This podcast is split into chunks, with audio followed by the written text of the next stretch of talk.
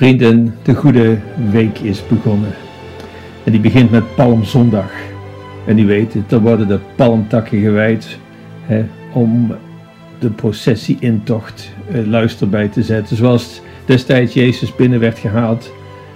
Hosanna, gezegend die komt in de naam van de Heer. En ze zwaaiden met palmtakken eerbetoon aan degene die werd toegezwaaid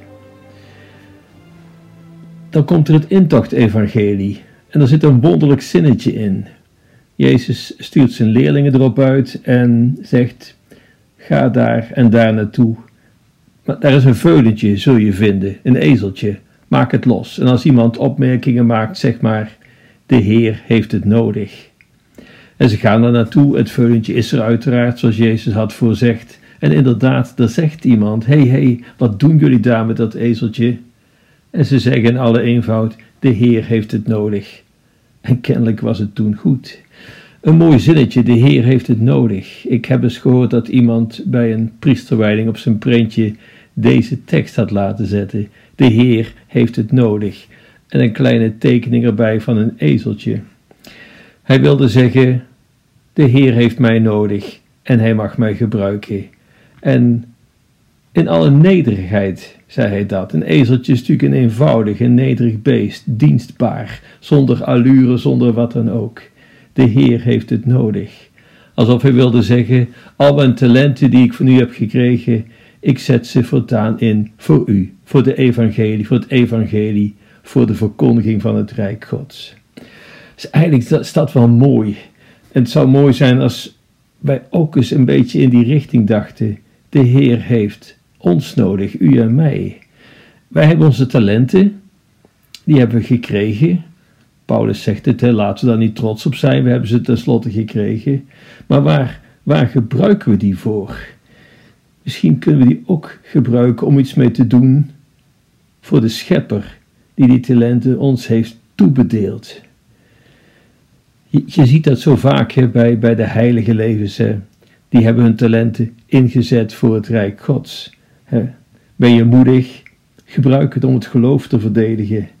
Ben je iemand met een groot verstand, zoals Augustinus of Thomas?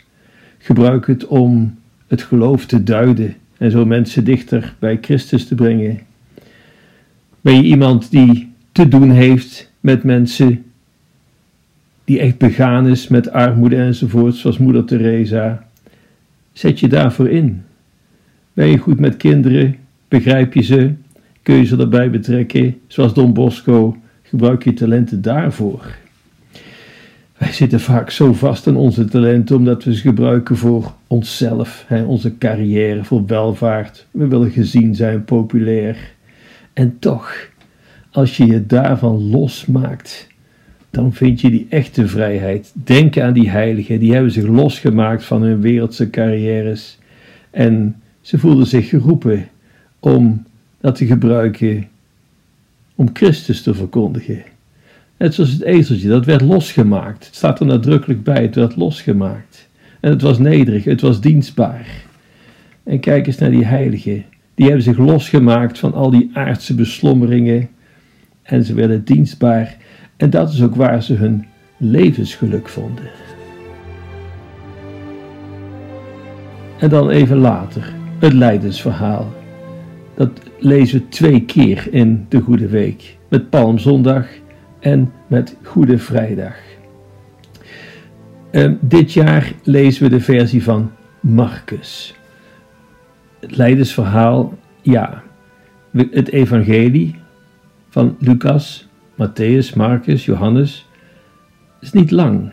Een honderd bladzijden en je hebt heel het levensverhaal van Jezus doorgenomen. En toch bladzijden vol over die ene dag, dag van het lijden en sterven. Er wordt wel eens gezegd, het hele evangelie is eigenlijk het lijdensverhaal met een lange introductie. En dat is denk ik ook zo. Ik ga naar Marcus en misschien mag ik de aandacht vestigen op een paar details waar ik eigenlijk altijd overheen gelezen heb. Maar dat moeten we niet doen. Het zegt altijd wat. Ik noem het eerste.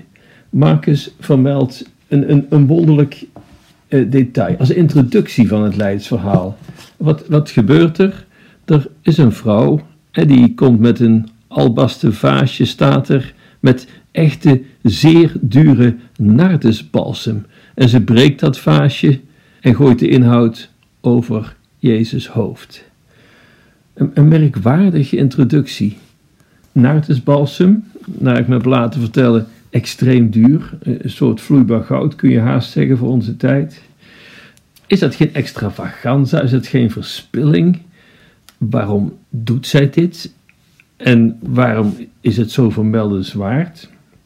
Er wordt bij gezegd: dit is zo duur, we hadden het beter kunnen verkopen en het geld besteden aan de armen. Dat is meer de, de denkwijze van Judas. Maar nee, Jezus prijst deze vrouw. Zij besteedt een vermogen aan Jezus, een totale zelfgave. Dat, dat is moeilijk te bevatten. Maar het is trouwens altijd met het geloof. Met het verstand komen we er niet. Wel een heel eind. Gebruik alstublieft uw verstand. Denk aan grote heiligen zoals Thomas als Augustinus en vele anderen. Maar het geloof gaat altijd verder. Het is niet alleen maar redelijk, het is meer dan dat. Het is niet alleen maar berekenend. Wat die vrouw doet, ja, dat is een soort extravaganza. Maar dat is ook wat Jezus uiteindelijk zal doen. Die kruisiging, dat martelwerktuig, is dat niet wat extreem? En toch. Dat is hoe Jezus onze verlossing bewerkstelligt.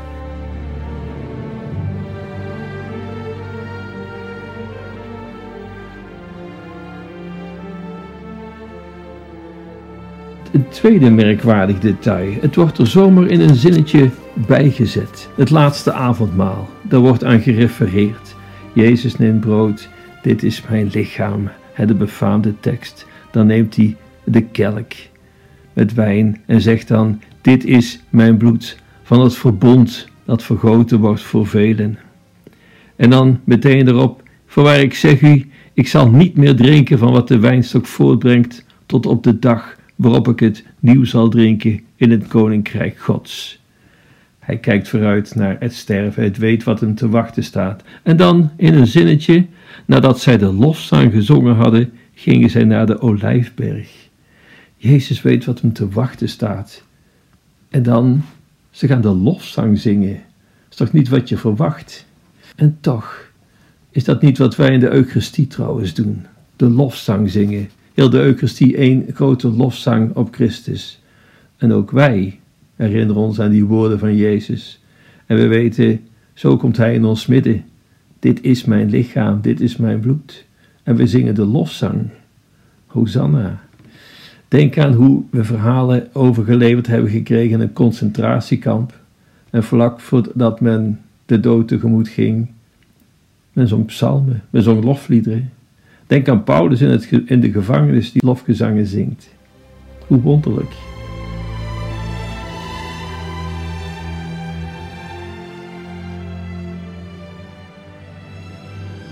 Een derde detail. Heel vreemd, Jezus gaat naar de Hof van Olijven. Hij vraagt: Waak met mij. Nou, we weten dat ze dat niet doen. Ze vallen allemaal in slaap. Kunt je nog geen uur waken? Nou ja, slaap dan maar verder.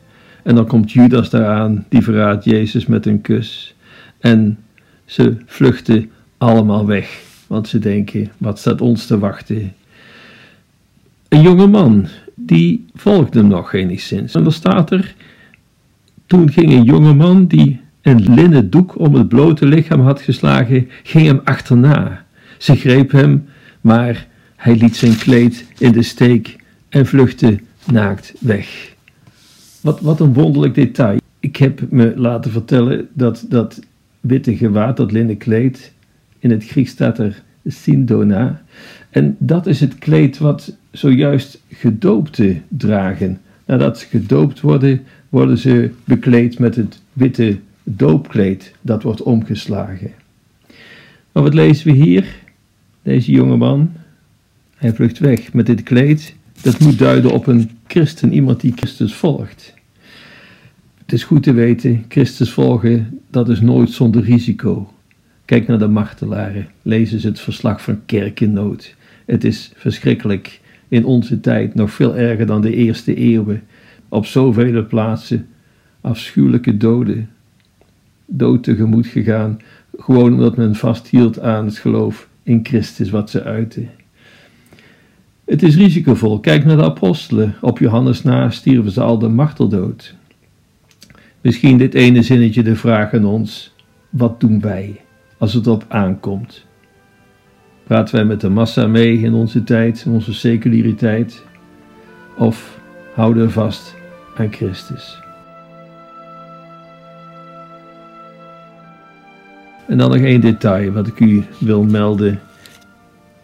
We kennen de kruiswoorden van Christus en op een gegeven moment Jezus slaakt een luide kreet en gaf de geest. En dan gaat het verder. Toen scheurde het voorhangsel van de tempel van boven tot onder in tweeën. Zomaar een zin tussendoor. En vervolgens hij de honderd man die het zag hoe Jezus was gestorven. Waarlijk, deze is de Zoon van God. Eigenlijk een hoogtepunt in heel het evangelie. Maar dan even die zin. Toen Jezus de geest gaf, de, het voorhangsel van de tempel scheurde van boven tot onder in tweeën. Um, dat voorhangsel, dat scheidde het allerheiligste, de presentie van, van God, daar bij het allerheiligste, waar de stenen tafelen werden bewaard in het tabernakel. Dat scheurde. En iedereen had al dus toegang tot het allerheiligste. Iedereen kon het zien. Waar refereert Marcus aan? Jezus aan het kruis. Iedereen die maar wilde, die kon het zien. Hier is God zelf die aan het kruis hangt. En dan nog iets. Iedereen heeft toegang tot Hem. Iedereen die opkijkt naar het kruis, die zal gered worden. Jezus zal het zelf zeggen. Kijk naar dit kruis deze week. Kijk naar dit kruis. Stop met redeneren. Ik weet het, gebruik uw verstand. Ik, ik doe niks liever dan dat. Zeker als ik ook over het geloof praat. Maar kijk eerst naar het kruis. Kijk naar Hem. Dat is wat we moeten doen. Wilt u het evangelie begrijpen? Kijk naar het kruis. Zij hebben een evangelie geschreven na de kruisdood natuurlijk. Toen begonnen ze pas het mysterie enigszins te bevatten. Wilt u de bergreden, de wondertekenen, wilt u alles wat Jezus spreekt bevatten? Je kunt het maar bevatten als je eerst beseft wie Hij is. En als je wil weten wie Hij is, kijk naar het kruis. Waarom doet Hij dit? Wel bewust. Nee, het is geen ongelukkige samenloop van omstandigheden. Kijk naar het kruis en dan kijk naar die prediking en die wondertekenen. Het is niet voor niks als we de geloofsbelijdenis uitspreken dat we over Jezus zeggen: Hij is geboren uit de macht Maria, hè, door, uh, uit de Heilige Geest. En dan meteen naar Goede Vrijdag gekruist, gestorven en begraven en verrezen, uiteraard. Niets over die prediking, die wonderen, is ook niet nodig. Besef wie Hij is en kijk dan naar die prediking en die wonderen en verstaat het.